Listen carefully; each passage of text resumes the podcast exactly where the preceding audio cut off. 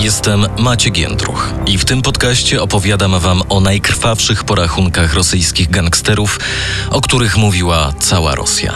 Siergiej Timofiejew, który otrzymał pseudonim Sylwester, był uważany za króla oriechowskiej zorganizowanej grupy przestępczej z Moskwy.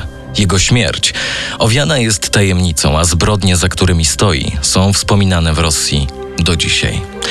O tym w dzisiejszym odcinku Ruskiej Mafii. Zapraszam. Ruska mafia. Król Sylwester.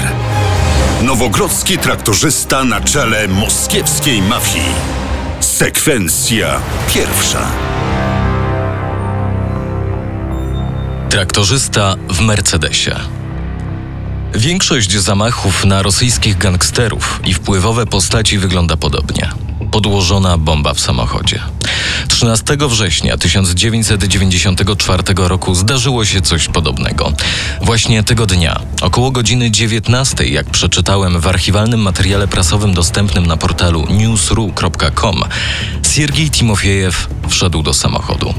Właścicielem tego Mercedesa był, jak podaje prasa, Andrzej Bokariew, oligarcha, który od wielu miesięcy jest obłożony sankcjami za wspieranie Rosji w wojnie w Ukrainie i bliskie związki z Kremlem. Jak przeczytałem w reportażu na portalu lienta.ru, kiedy Timofiejew wyciągnął telefon i zaczął rozmawiać, samochód wybuchł.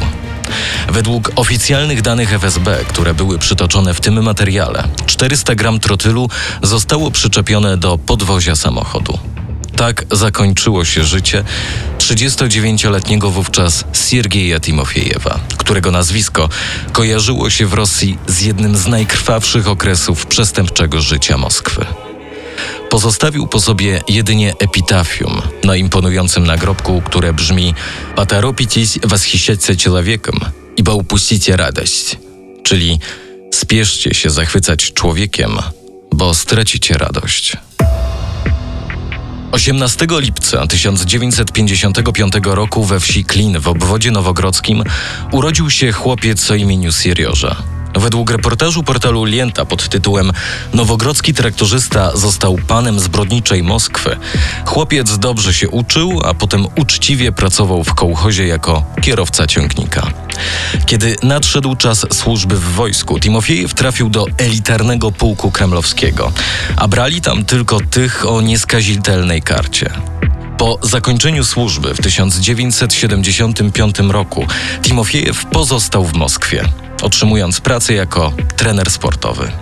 I na tym kończą się jego jasne, czyste i nieskazitelne strony biografii. Jak opowiadałem w poprzednich odcinkach ruskiej mafii, gangsterzy często zaczynali od zakładania swoich tak zwanych grupirowek w siłowniach. Przypomnę, jak mówił mi o tym reportażysta Jacek Hugo Bader. Takie chłopaki różne, miejscowi kanciarze, łamignaty, chuligany zaczęli kaczać, czyli po naszemu to rzucać żelazem, czyli budować siłownie w piwnicach, wynajmowali te piwnice, tam sobie robili siłki, za, zaczęli dbać o swoje ciała, ćwiczyć tą muskulaturę, no i, i każda piwnica to była oddzielna grupirowka, jak to się mówi. Tam się to wszystko zaczęło i tam się rodziła ta rosyjska mafia. Zgodnie z tradycją nazwy grupirowek odpowiadały ich miejscom na mapie miasta. Byli Sącewskie, Ariechowskie, Lubiereckie. Wyróżniało ich zamiłowanie do sportu, szczególnie do żelaza, o czym mówił Jacek Hugo Bader, czyli podnoszenia sztang w słynnych kacialkach i braterstwo. Nawet dzisiaj w Rosji zorganizowane grupy przestępcze nazywa się bratwą. W dzielnicy, w której Timofiejew otrzymał meldunek, czyli Oriechowo-Borisowie, zaczął kierować jedną z takich grup. Silni miejscowi faceci bezwarunkowo uznali autorytet swojego trenera.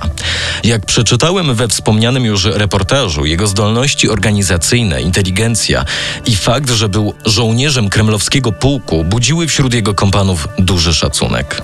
Tym samym rozpoczęła się historia oriechowskiej mafii. Stopniowo grupa z Oriechowa przybierała na znaczeniu wśród stolicznej nieformalnej władzy. Starcia między grupami z innych dzielnic, z których niezmiennie wychodzili zwycięsko, już im się znudziły. W połowie lat 80., jeszcze przed pieriestrojką, Timofiejew i jego bojownicy powoli zaczęli zastanawiać się nad tym, jak zarabiać pieniądze za pomocą tego, co mieli najcenniejsze siłą i braterstwem.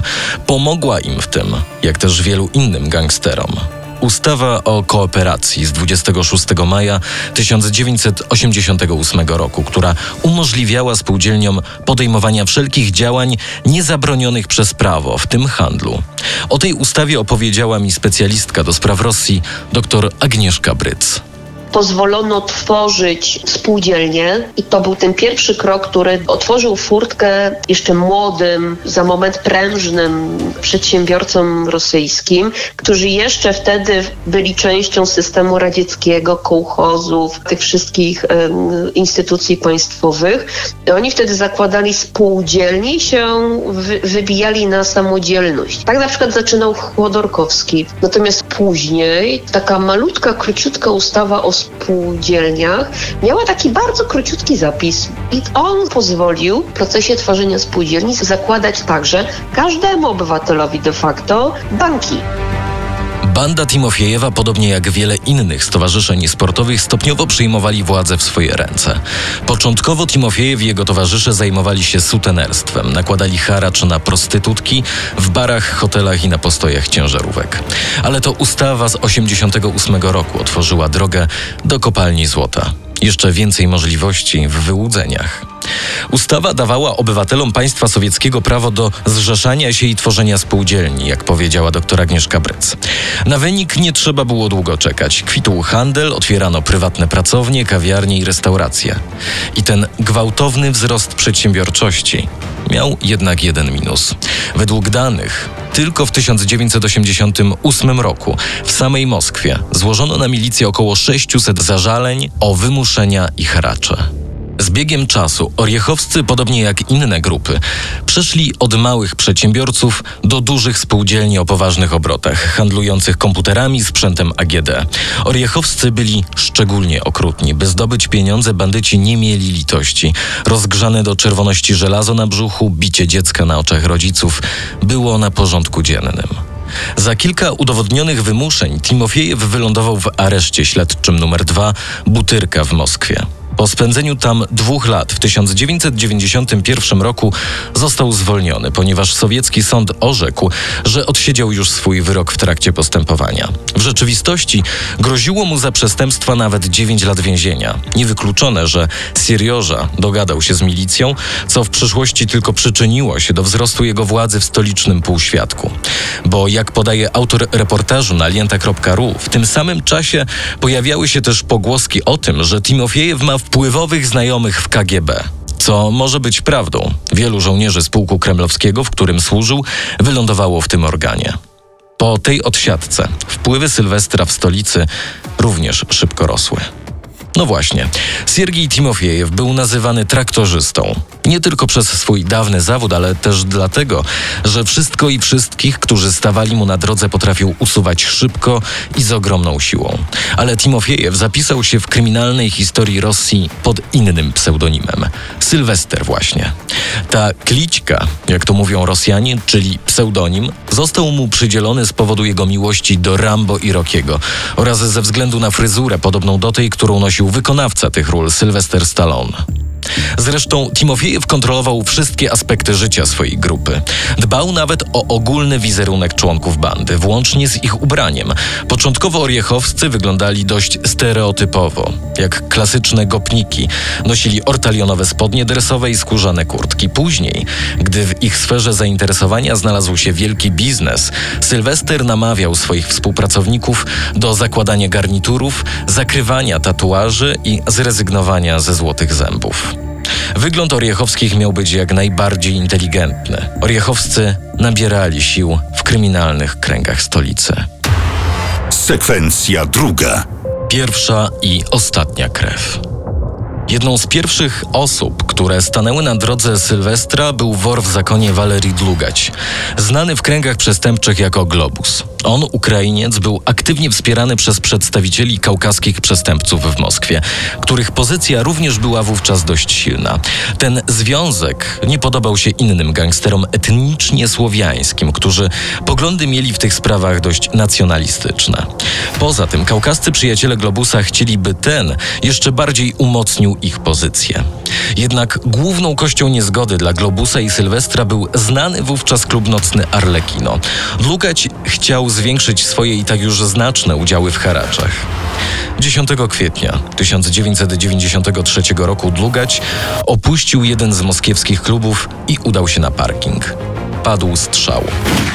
Jak przeczytałem na portalu Prime Crime Muzeum Historii Worowskiego Świata, kula, która trafiła w globusa, przebiła prawą stronę jego klatki piersiowej na wskroś. Gangster zginął na miejscu. Według niektórych informacji, do których dotarłem w prasie rosyjskiej, była to pierwsza strzelanina do wora w zakonie w historii lat 90.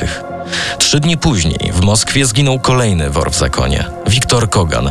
On także postawił się Timofiejewowi, bo nie chciał dzielić się haraczem. Sylwester stopniowo zmieniał się w prawdziwego króla gangsterskiej Moskwy.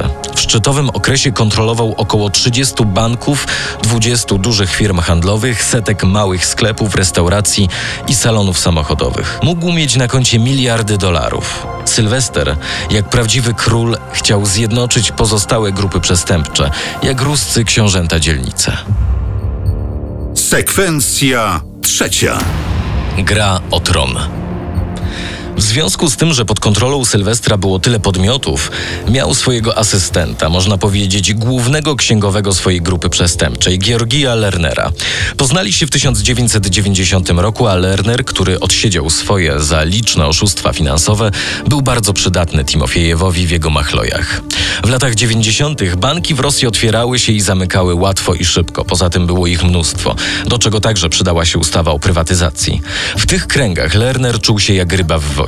Obiecał Sylwestrowi, że ten jeszcze bardziej się wzbogaci. Mało tego, Lerner dał mu jeszcze więcej niż swoja wiedza z kreatywnej księgowości. Oddał mu swoją żonę, Olgę Żłobińską. Jak podaje reportaż o Timofiejewie na alienta.ru, Olga uwiodła Sylwestra jeszcze w 1992 roku pobrali się. Choć w rzeczywistości mógł to być związek fikcyjny. Na YouTubie znalazłem wywiad ze Żłobińską. W momencie, kiedy się pobrali, Timofiejewowi łatwiej było otrzymać izraelskie obywatelstwo, które Żłobińska już posiadała. Jako żona Timofiejewa kierowała moskiewskim bankiem handlowym. W 1994 roku bardzo dużo pieniędzy umieściła w nim organizacja kierowana przez znanego rosyjskiego oligarchę Borysa Bieryzowskiego. Placówka kierowana przez Żłobińską niechętnie chciała się rozstać z pieniędzmi oligarchy. I tak oligarcha i dyrektorka banku popadli w konflikt. 7 czerwca 1994 roku doszło do wybuchu, a jakże samochodu. W Mercedesie Borysa Bieryzowskiego została podłożona bomba. Kierowca zginął, a ochroniarz oligarchy i osiem przypadkowych osób zostało rannych. Sam Bieryzowski przeżył. Niewiele osób zaznajomionych z sytuacją wokół moskiewskiego banku handlowego miało wątpliwości, kto był zleceniodawcą tego zamachu. Zamach na oligarchę wywołał poruszenie w rosyjskich mediach. Prezydent Borys Jelcyn mówił wówczas o kryminalnym bezprawiu w Rosji. Jak przeczytałem w archiwalnych materiałach prasowych, wkrótce po tym zdarzeniu moskiewski bank handlowy zwrócił Bierezowskiemu jego fundusze. Sylwester miał w Moskwie coraz więcej wrogów. Miał też poważnego konkurenta. Był nim Otari Kwantriszwili. Jego przyjaciółmi byli generałowie policji, członkowie rządu, posłowie, znani artyści i sportowcy. Coraz częściej nazywany był też ojcem chrzestnym stolicy, czego Sylwester nie mógł znieść. Ponadto Timofiejew i Otari byli zainteresowani biznesem naftowym. Oboje obrali za swój cel tę samą rafinerię ropy naftowej. To, co się stało, nie zaskakuje. 5 kwietnia 1994 roku Kwantryszwili został zabity trzema strzałami z karabinu snajperskiego. W świecie przestępczym wszyscy wiedzieli, kto zlecił to zabójstwo. Tymczasem Siergiej Timofiejew wyjechał za granicę, do Nowego Jorku. Tam miał spotkać się z Wiaczesławem Iwanikowym, znanym jako Japończyk, któremu poświęciłem pierwszy odcinek ruskiej mafii. Według niektórych źródeł Iwańkow dał Timofiejewowi zgodę na zarządzanie całą przestępczą Moskwą. Chwilę po powrocie ze Stanów Zjednoczonych, 13 września 1994 roku, Sylwester spotkał się z przedstawicielami kurgańskiej grupy przestępczej. Właśnie po tym spotkaniu Mercedes, do którego wsiadł Siergiej Timofiejew, wybuchł. Jak przeczytałem w materiale dotyczącym tego zamachu, interesującym pozostaje także fakt, że zazwyczaj Timofiejewa pilnowało kilkunastu ochroniarzy.